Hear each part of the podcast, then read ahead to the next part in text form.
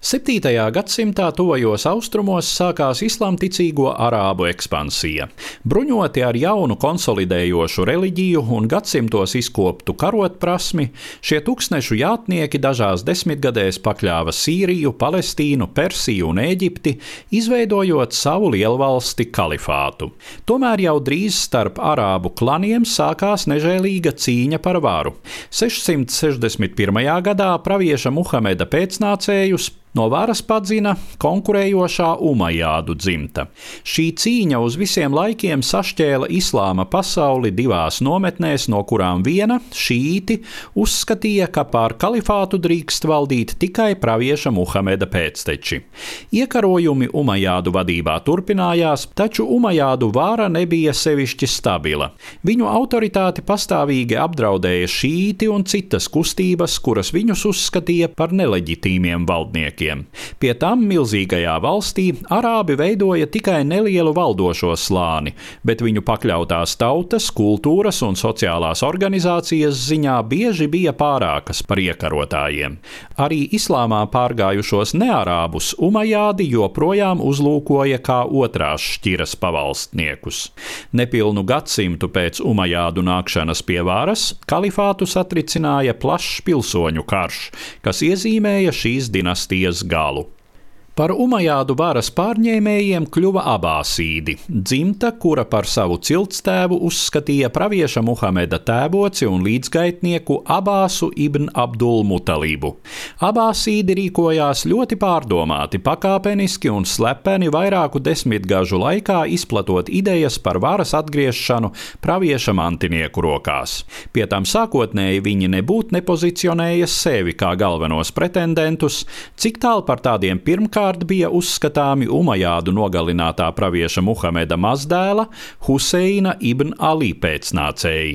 Par abāsīdu bāzi kļuva Horasāna, teritorija, kas aptvēra tagadējās Irānas ziemeļaustrumus un tai piegulošos Afganistānas un Turkmēnijas rajonus.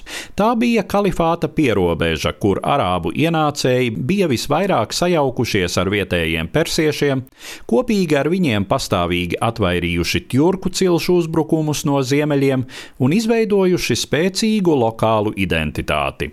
Sacelšanās sākās Mērvas pilsētā, tagadējās Turkmēnijas teritorijā 747. gadā.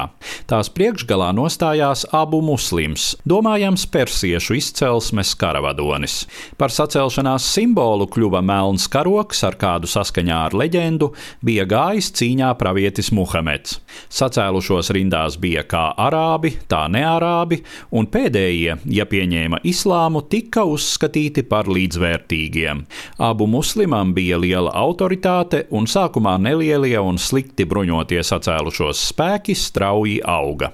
Domājams, sākotnēji Umajādu kalifs Marvāns II neustvēra Horasānā notiekošo sevišķi nopietni, jo līdzīgas sacelšanās tolaik pastāvīgi uzliesmoja visā kalifātā, un līdz šim tās bija izdevies apspiest.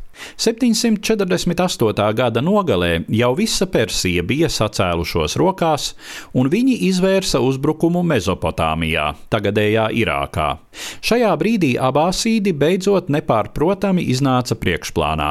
749. gada novembrī Kufas pilsētā pie Eifratas abāsīdu vadonis As-Safāks tika pasludināts par jauno kalifu.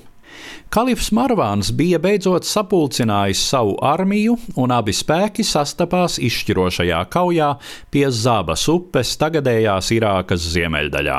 Tas notika 750. gada 25. janvārī. Umajādu armija vismaz pēc chronistu sniegtajām ziņām bija vairākas reizes lielāka, pie tam tajā bija karos pret Bizantiju rūdīti veterāni, tomēr abāsīdu panākumi bija smagi iedragājuši šīs armijas morāli. Par kaujas gaitu nav daudz ziņu. Izšķirošā domājams bija Umajādu kavalērijas iznīcināšana nesekmīgajos uzbrukumos precīzi izkārtotajām abāsīdu vienībām. Pēc tam Marvana armija atkāpās, tad jau bēga un tika nežēlīgi apkauta. Pēdējais Umajādu kalifs tika nogalināts pusgadu vēlāk Eģiptē. Jaunie kalifāta saimnieki Abāsīdi gan nespēja pārņemt savā kontrolē visas kādreizējās Umajādu teritorijas, taču izveidoja daudz stabilāku valsti.